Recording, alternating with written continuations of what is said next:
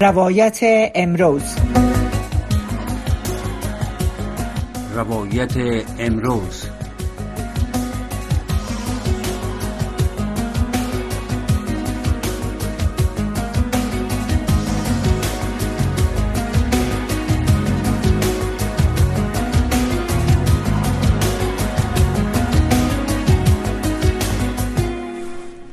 سلام شنوندگان گرامی ما به برنامه رادیوی روایت امروز از رادیو آشنا صدای امریکا از واشنگتن خوش آمدین.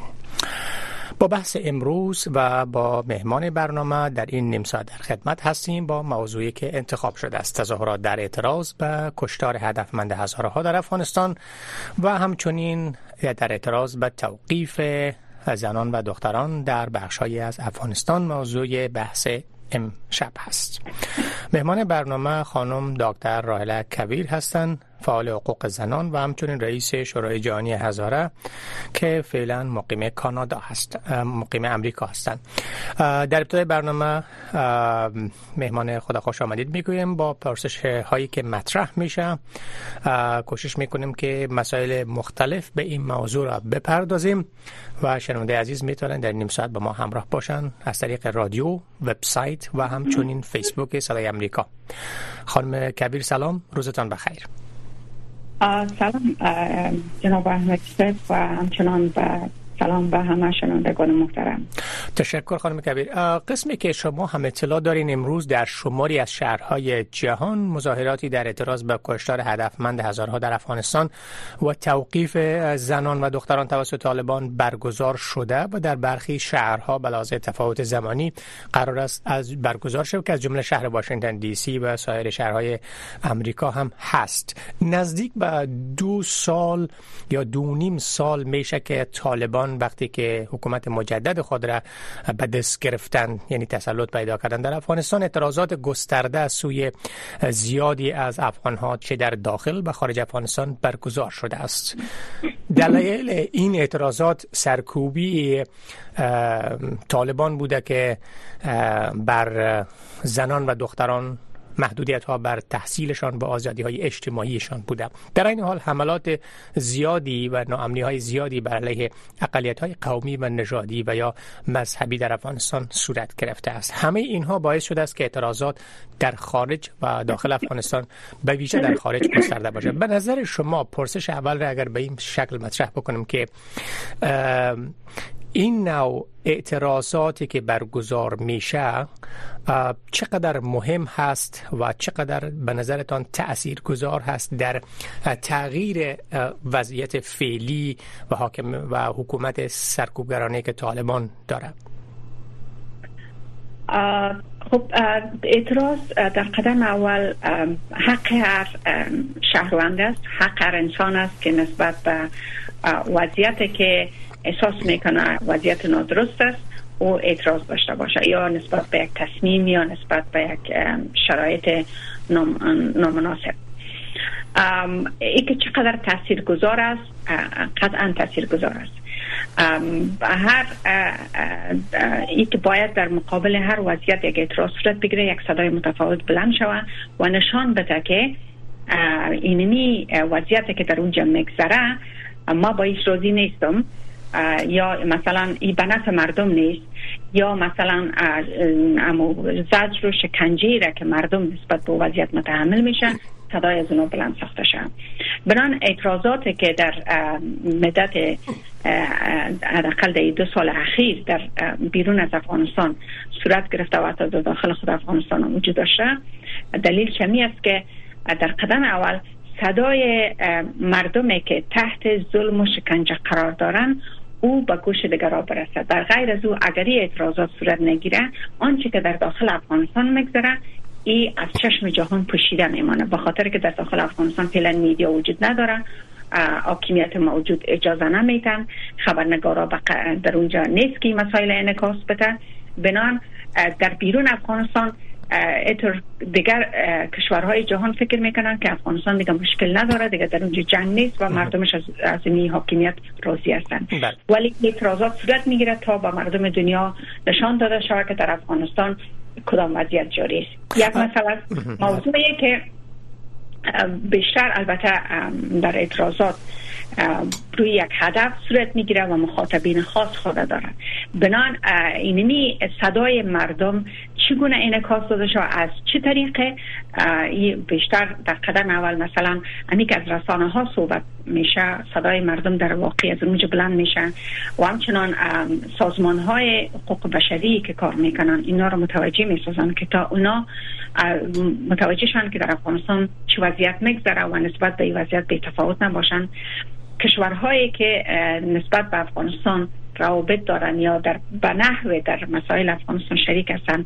برای از اونا این پیام رسانده میشه که در تصمیم گیری های خود نسبت به افغانستان باید متوجه باشن که در افغانستان وضعیت چگونه است. بنان تاثیرگذاری اعتراضات بیشتر از است که صدای اعتراض بلند شود و البته که چه نتیجه تا دست آمدن در حداقل در این مدت دو سال که بعض اعتراضات صورت گرفتن نتایج نسبی خوب بوده بله. یکی که همو وضعیت به نحوه چی شده در سطح بینالمللی انعکاس داده شدن مثلا در مسئله حملات هدفمند نسبت به زارها و یا مثلا در مسئله جنوساید هزاره و یا مسئله زنان افغانستان این موضوعات در سطح بینالمللی انعکاس داده شده تا کس به خبر نمانه چی مراجع ملل متحد و نهادهای بینالمللی و چی حکومت ها و چی مردم مردم کشورها و همچنان نهادهای رسانه‌ای و حقوقی دینا از این وضعیت مطلع شدن که در افغانستان چی میگذرن و و کار که با نظر من یک بخش از دادخواهی است و این دادخواهی ها باید ادامه پیدا بکنن تا بتونه به یک نتیجه مطلوب برسن بیشتر شما از مخاطبین پیام این اعتراضات اشاره کردین. خب به نظر شما این مخاطبین که شامل نهادهای حقوق بشری مدافع حقوق بشر هستند و همچنین کشورهای تاثیرگذار بر وضعیت افغانستان که شما بهش اشاره کردین اینا این پیام اعتراضات را در طی این دو سال و بیشتر چطور برداشت کردند و چه واکنش های تابال نشان دادند؟ شمایی که به نحوی دخیل هستند در تعامل هستند با این نهادها و یا بعضی کشورها؟ خب در مجموع مخاطبین آنچه که ما در مدت دو سال کار کردیم در سه بخش تقسیم کردیم. در قدم اول رسانه ها که رسانه ها صدا را انعکاس بدن. در قدم دوم نهادهای حقوقی است که این نهادهای حقوقی بتانن مردم کمک کنند در مسائل حقوقی که چگونه موضوعات مطرح بسازن و چگونه پروسه دادخواهی را پیش ببرن. و دیگه در قسمت کشورهاست خب در قدم اولی که مشکلات و مسائل که در افغانستان رخ میدن و یا اما رفتارهای خلاف انسانی و خشونت هایی که در افغانستان رخ میده این نباید که چی پنهان بمانه. باید این چی شود؟ اطلاق اظهار شود در موردش ای آشکار شود که دیگران خبر شوند. تا حد مثلا رسانه ها تا حد زیاد این مسائل انعکاس داده. چه رسانه های تصویری و چه رسانه های نوشتاری در مورد مسائل افغانستان همیشه بس. صورت گرفته داریم و در مورد نهادهای حقوق بشری نهادهای حقوق بشری تا حدی ما با ایشان با تماس بودیم و البته کمک کردن. کمک کردن سازمان های مدنی افغانستان که بتانن خواستهای خود در چارچوب مسائل حقوقی بیان بکنن و این کمک ها جریان دارن. و در مورد کشورهای تصمیم گیرنده ای که کشورهای تصمیم گیرنده در مسائل افغانستان و همچنان نهادهای بین کوشش می‌کنن که یک راه مصالحه را در افغانستان باز بکنن تا زمینه ایجاد یک حکومت فراگیر در افغانستان وجود بیاید و از طریق باز بتانن قانون در افغانستان به وجود بیاید که تحت قانون حقوق و مسئولیت های مردم افغانستان زمانت شود. بله. این یک بخش از چی است؟ سرزی خب طبعا یک پروسه طولانی مدت است برای کار میشن. و از جانب دیگه هم اعتراضات یا تظاهراتی که در جاده ها صورت می‌گیرن تنها یک بخشی از کیسی ها و دادخواهی است اما کلش نیست. بعد از او باید توسط همین سازمان های مدنی که دادخواهی می‌کنن ادامه داده شود و پیگیری شود. این مسئله بسیار زیاد مهم است که با چی با حکومت ها و نهادهای قانونساز حکومت و چی با سازمان های بین این پروسه دادخواهی باید ادامه پیدا کنن کار شود که تا, تا این حد ما به نظرم نتایج خوب داشته. یعنی با ما اندازه که نهادهای مدنی و مردم مسئولیت احساس کردن و هزینه کردن در ایران و کار کردن در اون حد نتیجه به دست و اگر بیشتر کار شد و بیشتر توجه شد و مطمئن است که این نهادها بین و همچنان حکومت ها هم بیشتر به اون هم کار می باشن بیشتر بله. فکر می‌کنین که طی این دو سال گذشته و حتی پیشتر از او عمدتا هزارها به عنوان و هدف معین و مشخص گروه های دهشت افکن در بعضی موارد داشته که طالبان صورت گرفته هدف بودند و قربانی دادند. و حالا هم این تظاهراتی که برگزار میشه در واقع یعنی نقش برجسته تری را بر روی اعتراض به همین کشتار داره. موضوع دیگه بحث توقیف زنان و دختران هست که در این نواخر به موضوع توقیف برخی از دختران در ولایت کابل به ویژه در غرب کابل که مناطق دشت برچی و عمدتا هزار نشین هستند. گزارش های بود صورت گرفته که ادعای طالبا یا اتهام طالبا بدهجابی بوده. به نظرتان چرا طالبان عمدتا به صورت قابل توجه هدف این نوع سرکوبی ها هست. البته در نظر گرفته شود که بخش زیاد دیگری از اقوام در افغانستان و بخش دیگری از مردم افغانستان هم به انهای مختلف به این سرکوبی ها به ویژه زنان مواجه هستند. اما بحث را اگر بخوایم در این باره صحبت بکنیم که چرا هزارها عمدتا در افغانستان تحت این هدف مشخص قرار گرفتند؟ خب پیش از اینکه به او سوالتان بر سوال شما را جواب بدم اعتراضاتی که اعتراض جهانی که امروز در بسیاری کشورها صورت گرفته و در واشنگتن دی سی هم قرار است که بعد از برگزار شود اما دلیل عمده و اساسی و هدف اساسیش یکی مسئله زنان است و یکی هم موضوع ادامه حملات هدفمند و سیستماتیک و جنایت نسبت به است در مورد ای که چرا مثلا بیشتر زنان هزاره مورد هدف قرار گرفتن توسط طالبان. در یکی خود در افغانستان طالبان در کل یک وضعیت بسیار خشونتبار نسبت به زنان اعمال کردن شما شاهد هستیم که در این مدت از مدت که طالبا حاکمیت به گرفتن و قدرت به دست گرفتن در افغانستان قدم به قدم زنان از حقوق اساسیشان محروم ساختن شما که شامل تمام زنان افغانستان میشن ولی در این اواخر در بخصوص در این سه چهار هفته اخیر دستگیری و توقیف زنان و دختران جوان و حتی اطفال و نوجوانان به بهانه بدحجابی یک یک مسئله بسیار هم تازه است و هم یک مسئله واقعا یک ایرا نمی‌تونن بگویم که تنها یک خشونت واقعا یک رفتار بسیار خشن و زشت و ناانسانی نسبت به زنان است. یعنی شکنجه که شاید در تاریخ بسیار زیاد چی باشه؟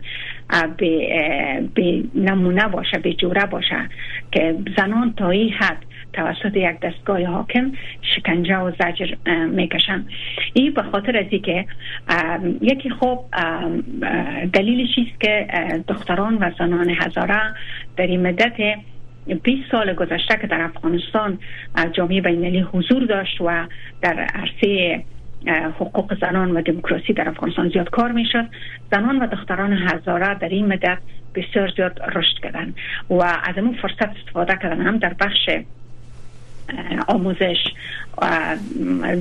بسیاری از دختران و زنان به مراکز آموزشی رفتن و البته که اونو از لحاظ رشد ظرفیت و امو توسعه اجتماعی و فرهنگی دستاورد چشمگیر در بین خانواده های هزاره و زنان و دختران هزاره وجود داشت. و از یک مسئله و در مسئله دیگر به صورت کلی جامعه هزاره در مدت 20 سال گذشته بیشتر به ارزش های دموکراتیک ببخشن اهمیت دادن. مثلا سلاح خود مردم تسلیم کردن و انتخابات روی آوردن و آزادی بیان بسیار اهمیت دادن. دختران به مکتب رفتن. حقوق زنان در بین محلات هزارنشین و در بین مردم هزاره بسیار زیاد رشد کرد نسبت به سایر نقاط افغانستان. این یکی از دلایل است به خاطر از اینکه طالبا مخالف نه تنها مخالف زنان هستند بلکه مخالف ارزش های دموکراتیک هستند. بنان هزاره ها و زنان هزاره و دختران هزاره به عنوان پیشگامان توسعه ارزش های دموکراتیک در افغانستان هستند. از این خاطر می‌خواهیم که اصلا هسته های اینمی توسعه را باطلا سرکوب کنن و او را نابود بسازن. یک هدف عمده و اساسی است. و هدف دیگه است که اداره ها از, از در یک فروپاشی و سرکوب سرکوبی کامل اجتماعی و سیاسی قرار دارن. فعلا تو گفته می‌تونیم که اداره ها در یک جنوساید هستند بنان یکی از اسباب یا عوامل یا ابزاره که بیشتر بتان ازاره ها را سرکوب کنه و همچنان اونا را به نابود بسازه این نیست که زنان و دختران هزاره را به بهانه حجاب دستگیر کنند زندونی بسازند و حتی روش های بسیار گزارش های بسیار چی داریم؟ ما واقعا وحشتناک داریم که اینا مورد تجاوز جنسی قرار گرفتن و ازدواج های اجباری چی شدن. با دیگه مردم که از دیگه نقاط افغانستان هستن اینا توسط گرفته میشن و نام بدهجابی باز میرن توسط از اونا به ازدواج اجباری وادار میشن و خشونت های جنسی وادار میشن. بنان این بخش یک بخش از سرکوب کردن ازاره ها در کل است که از طریق زنان و دختران که محور اساسی در هر خانواده هستن بتانن خانواده ها را سرکوب کنن و دیگه باز هیچ کس نتونه که ادعای بله. مکتب داشته باشن یا ادعای حقوق داشته باشن بله. یا ادعای مثلا آزادی را داشته باشن خانم کبیر شما بیشتر به مسئله مطرح شده از سوی بسیاری از فعالین حقوق مقالت یا حقوق بشر و حقوق زنان اشاره کردن مسئله جنوساید هزارها هست این تعریف جنوساید که مطرح شده و در سطح بزرگی تظاهرات و گرد همایی ها و اعتراضاتی برپا میشه.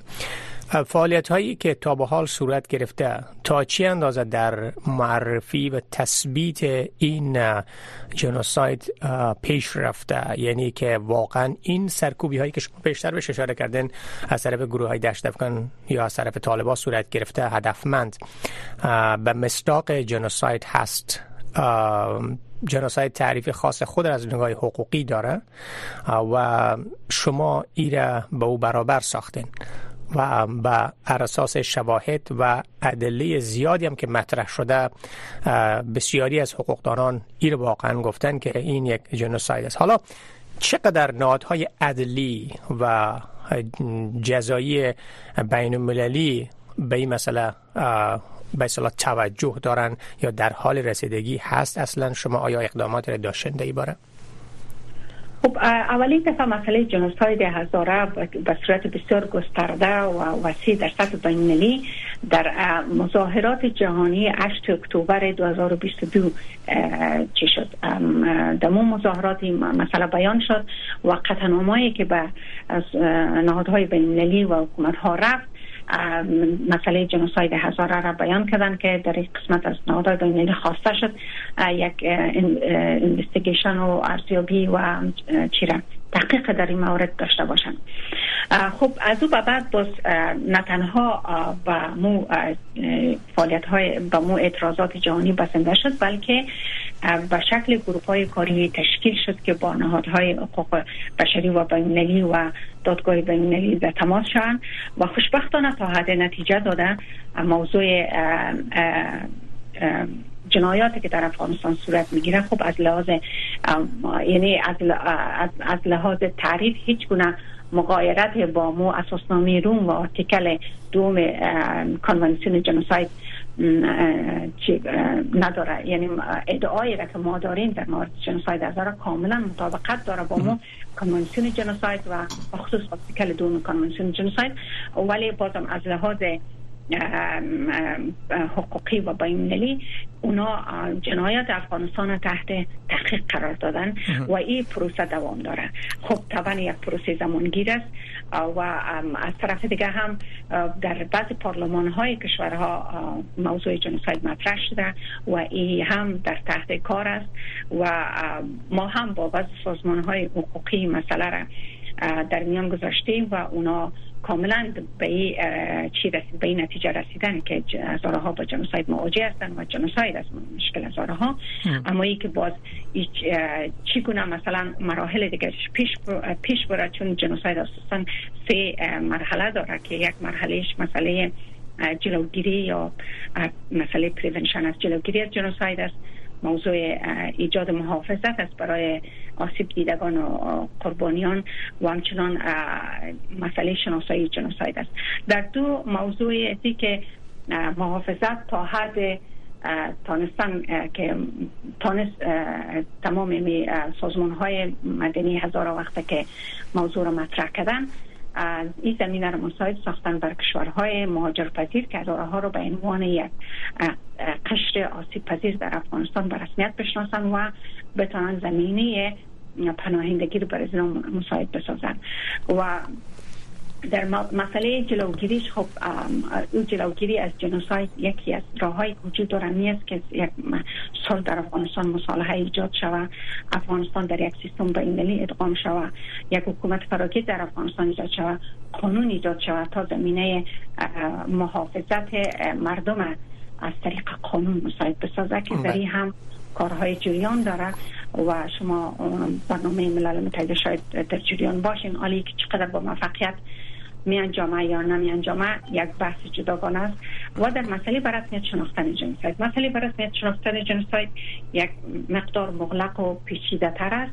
کار بیشتر می و زمان بیشتر در بر داره ولی من مطمئن هستم که اگر این مسئله با جدیت بیشتر پیگیری شود این نتیجه بالاخره در طی چند سال بله. آینده نتیجه خانم کبیر در برپایی این نوع اعتراضات چقدر همسویی وجود داره پشتیبانی از سوی سایر اقوام در افغانستان این نوع اعتراضات عمدتا برگزار شده؟ با این هدف هست که معرفی بکنن مصائب و جنایات را که بر علیه هزارها صورت گرفته در افغانستان. آیا سایر اقوام افغانستان چه در داخل و خارج افغانستان در برپای این نوع اعتراضات همسو یا همگام هستند و اونا چی میگن در ارتباط به این نوع اعتراضات؟ در این اعتراضاتی که امروز برگزار شده و برگزار میشه چون موضوع زنان است مسئله زنان در افغانستان البته که یک چیز بسیاری از اقوام افغانستان اونا از طریق سازمان های سیاسی و اجتماعی اعلان چی کردن؟ حمایت کردن. حمایت خودن اعلان کردن از که در تظاهرات سهم می‌گیرن. و مسئله زنان افغانستان نه تنها در این تظاهرات بلکه از مدت دو سال به این طرف زنان افغانستان تقریبا با هم مشترک کار می‌کنن. و در مسئله جنوساید هزاره در تظاهراتی که در 8 اکتبر 2022 صورت گرفت شما شاهد از هستیم که یک تعداد از اقوام افغانستان در تظاهرات شرکت کردن و اعلان چی کردن حمایت کردن از این پروسه و به اصطلاح یا حداقل یک نوع همبستگی خود و چی نشان دادن با هزارها ولی یک مسئله است که در افغانستان باید یک واقعیت خودم در نظر بگیره که افغانستان هنوز هم یک فرهنگ متاسفانه زیاد پیشرفته در افغانستان که بتانه واقعا تمام ابعاد یک جامعه مدنی را داشته باشه هنوز در افغانستان حاکم نیست. از هان در جامعه افغانستان هنوز بیشتر قبیلوی فکر می‌کنن و از این خاطر است که ما متاسفانه در افغانستان نتونستیم که واقعا یک همبستگی ملی در افغانستان به صورت واقعی شکل بگیره. به خاطر از که هنوز باورها و ذهنیت ها در افغانستان زیاد مدنی نیست. حتی تحصیل کرده و قشر تحصیل کرده اونا خودشان هنوز به باور نرسیدن که بپذیرن که مثلا حقوق بشر چی است یا امو مسئله دموکراسی چی است یا مثلا یک ای که مشارکت مردم و اقوام چی است؟ مسئله تکسرگرایی چه تاثیر داره در آینده در توسعه در ثبات و در سال؟ اینی موضوعات است که وقت بیشتر می‌گیرن تا مردم افغانستان به صورت ذهنی خودشان به باور برسن و به معتقد به این شوند که باید یک فرهنگ چی آماده پذیرش و بر یک فرهنگ تکسرگرایی یا فرهنگ متنوع باشن که در اونجا هر انسان بدون از اینکه بفهمه که یا بدون از اینکه کدام تبعیض و تمایز قومی یا مذهبی یا وجود داشته باشه او امو حق و مسئولیت های خود به عنوان یک شهروند افغانستان داشته باشه. در جنبندی صحبت امروز خانم کبیر می‌خوایم این پرسش مطرح بکنیم که این نوع گرد همایی ها به صورت مؤثرش از دید شما که برای حق خواهی و اطلاع رسانی وضعیت موجود در افغانستان هست چی هست؟ جنبه موثرش که هم به اون نکته ای که شما پیشتر اشاره کردن که بحث فراگیری در اشتراکش باشه هم نظری و هم سویی باشه از طرف سایر اقوام افغانستان و همینچنین بیانگر وضعیت کلی و همچنین قابل توجه و, و وضعیت مهمی که در افغانستان هست بر اقلیت ها بر روی زنان به ویژه و آموزش و سایر سرکوبی هایی که وجود داره. این اقدامات چطور باید باشه به نظرتون؟ خب یکی امو وضعیتی که در افغانستان جاری است و این توسط طالبان انکار میشه این امو واقعیت های افغانستان توسط نیمی تظاهرات و اعتراضات چی میشه بازگو میشه برای جهان. به خاطر که طالبان همیشه انکار می‌کنن از این وضعیت و او را یا به جهت دیگه سوق میدن و می‌خواین به یک شکل او را وانمود بکنن که گویا هیچ مسئله در افغانستان نیست و همگی در یک وضعیت خوب به سر می‌برن اما این اعتراضاتی مسئله را می‌خواه آشکار بسازه و نمایان بسازه برای جهان که وضعیت در افغانستان خوب نیست و بدترین و وضعیت شکنجه ضد انسانی در افغانستان هم یعنی جاری است. موضوع دیگه ایجاد یک هماهنگی و همبستگی بین مردم است. کسایی که در بیرون افغانستان هستند از طریق قضیه تظاهرات با هم بیشتر آشنا شدن و این زمینه را مساعد می‌سازه که آینده اونا بتونن خوبتر کار بکنن. و این مسئله دو مسئله به نظر من بسیار مهم است. اما ای که ادامه از این که چقدر با موفقیت برسد تشکر. و این داره که باید این کار به صورت منظم باید ادامه داده ممنون. سپاس از شما خانم راهله کبیر فعال حقوق زنان و همچنین رئیس شورای جهانی هزاره مقیم امریکا هستین که در بحث امروز با ما بودین و نظرات خود را در مورد وضعیت حقوق زنان در افغانستان بیان کردین.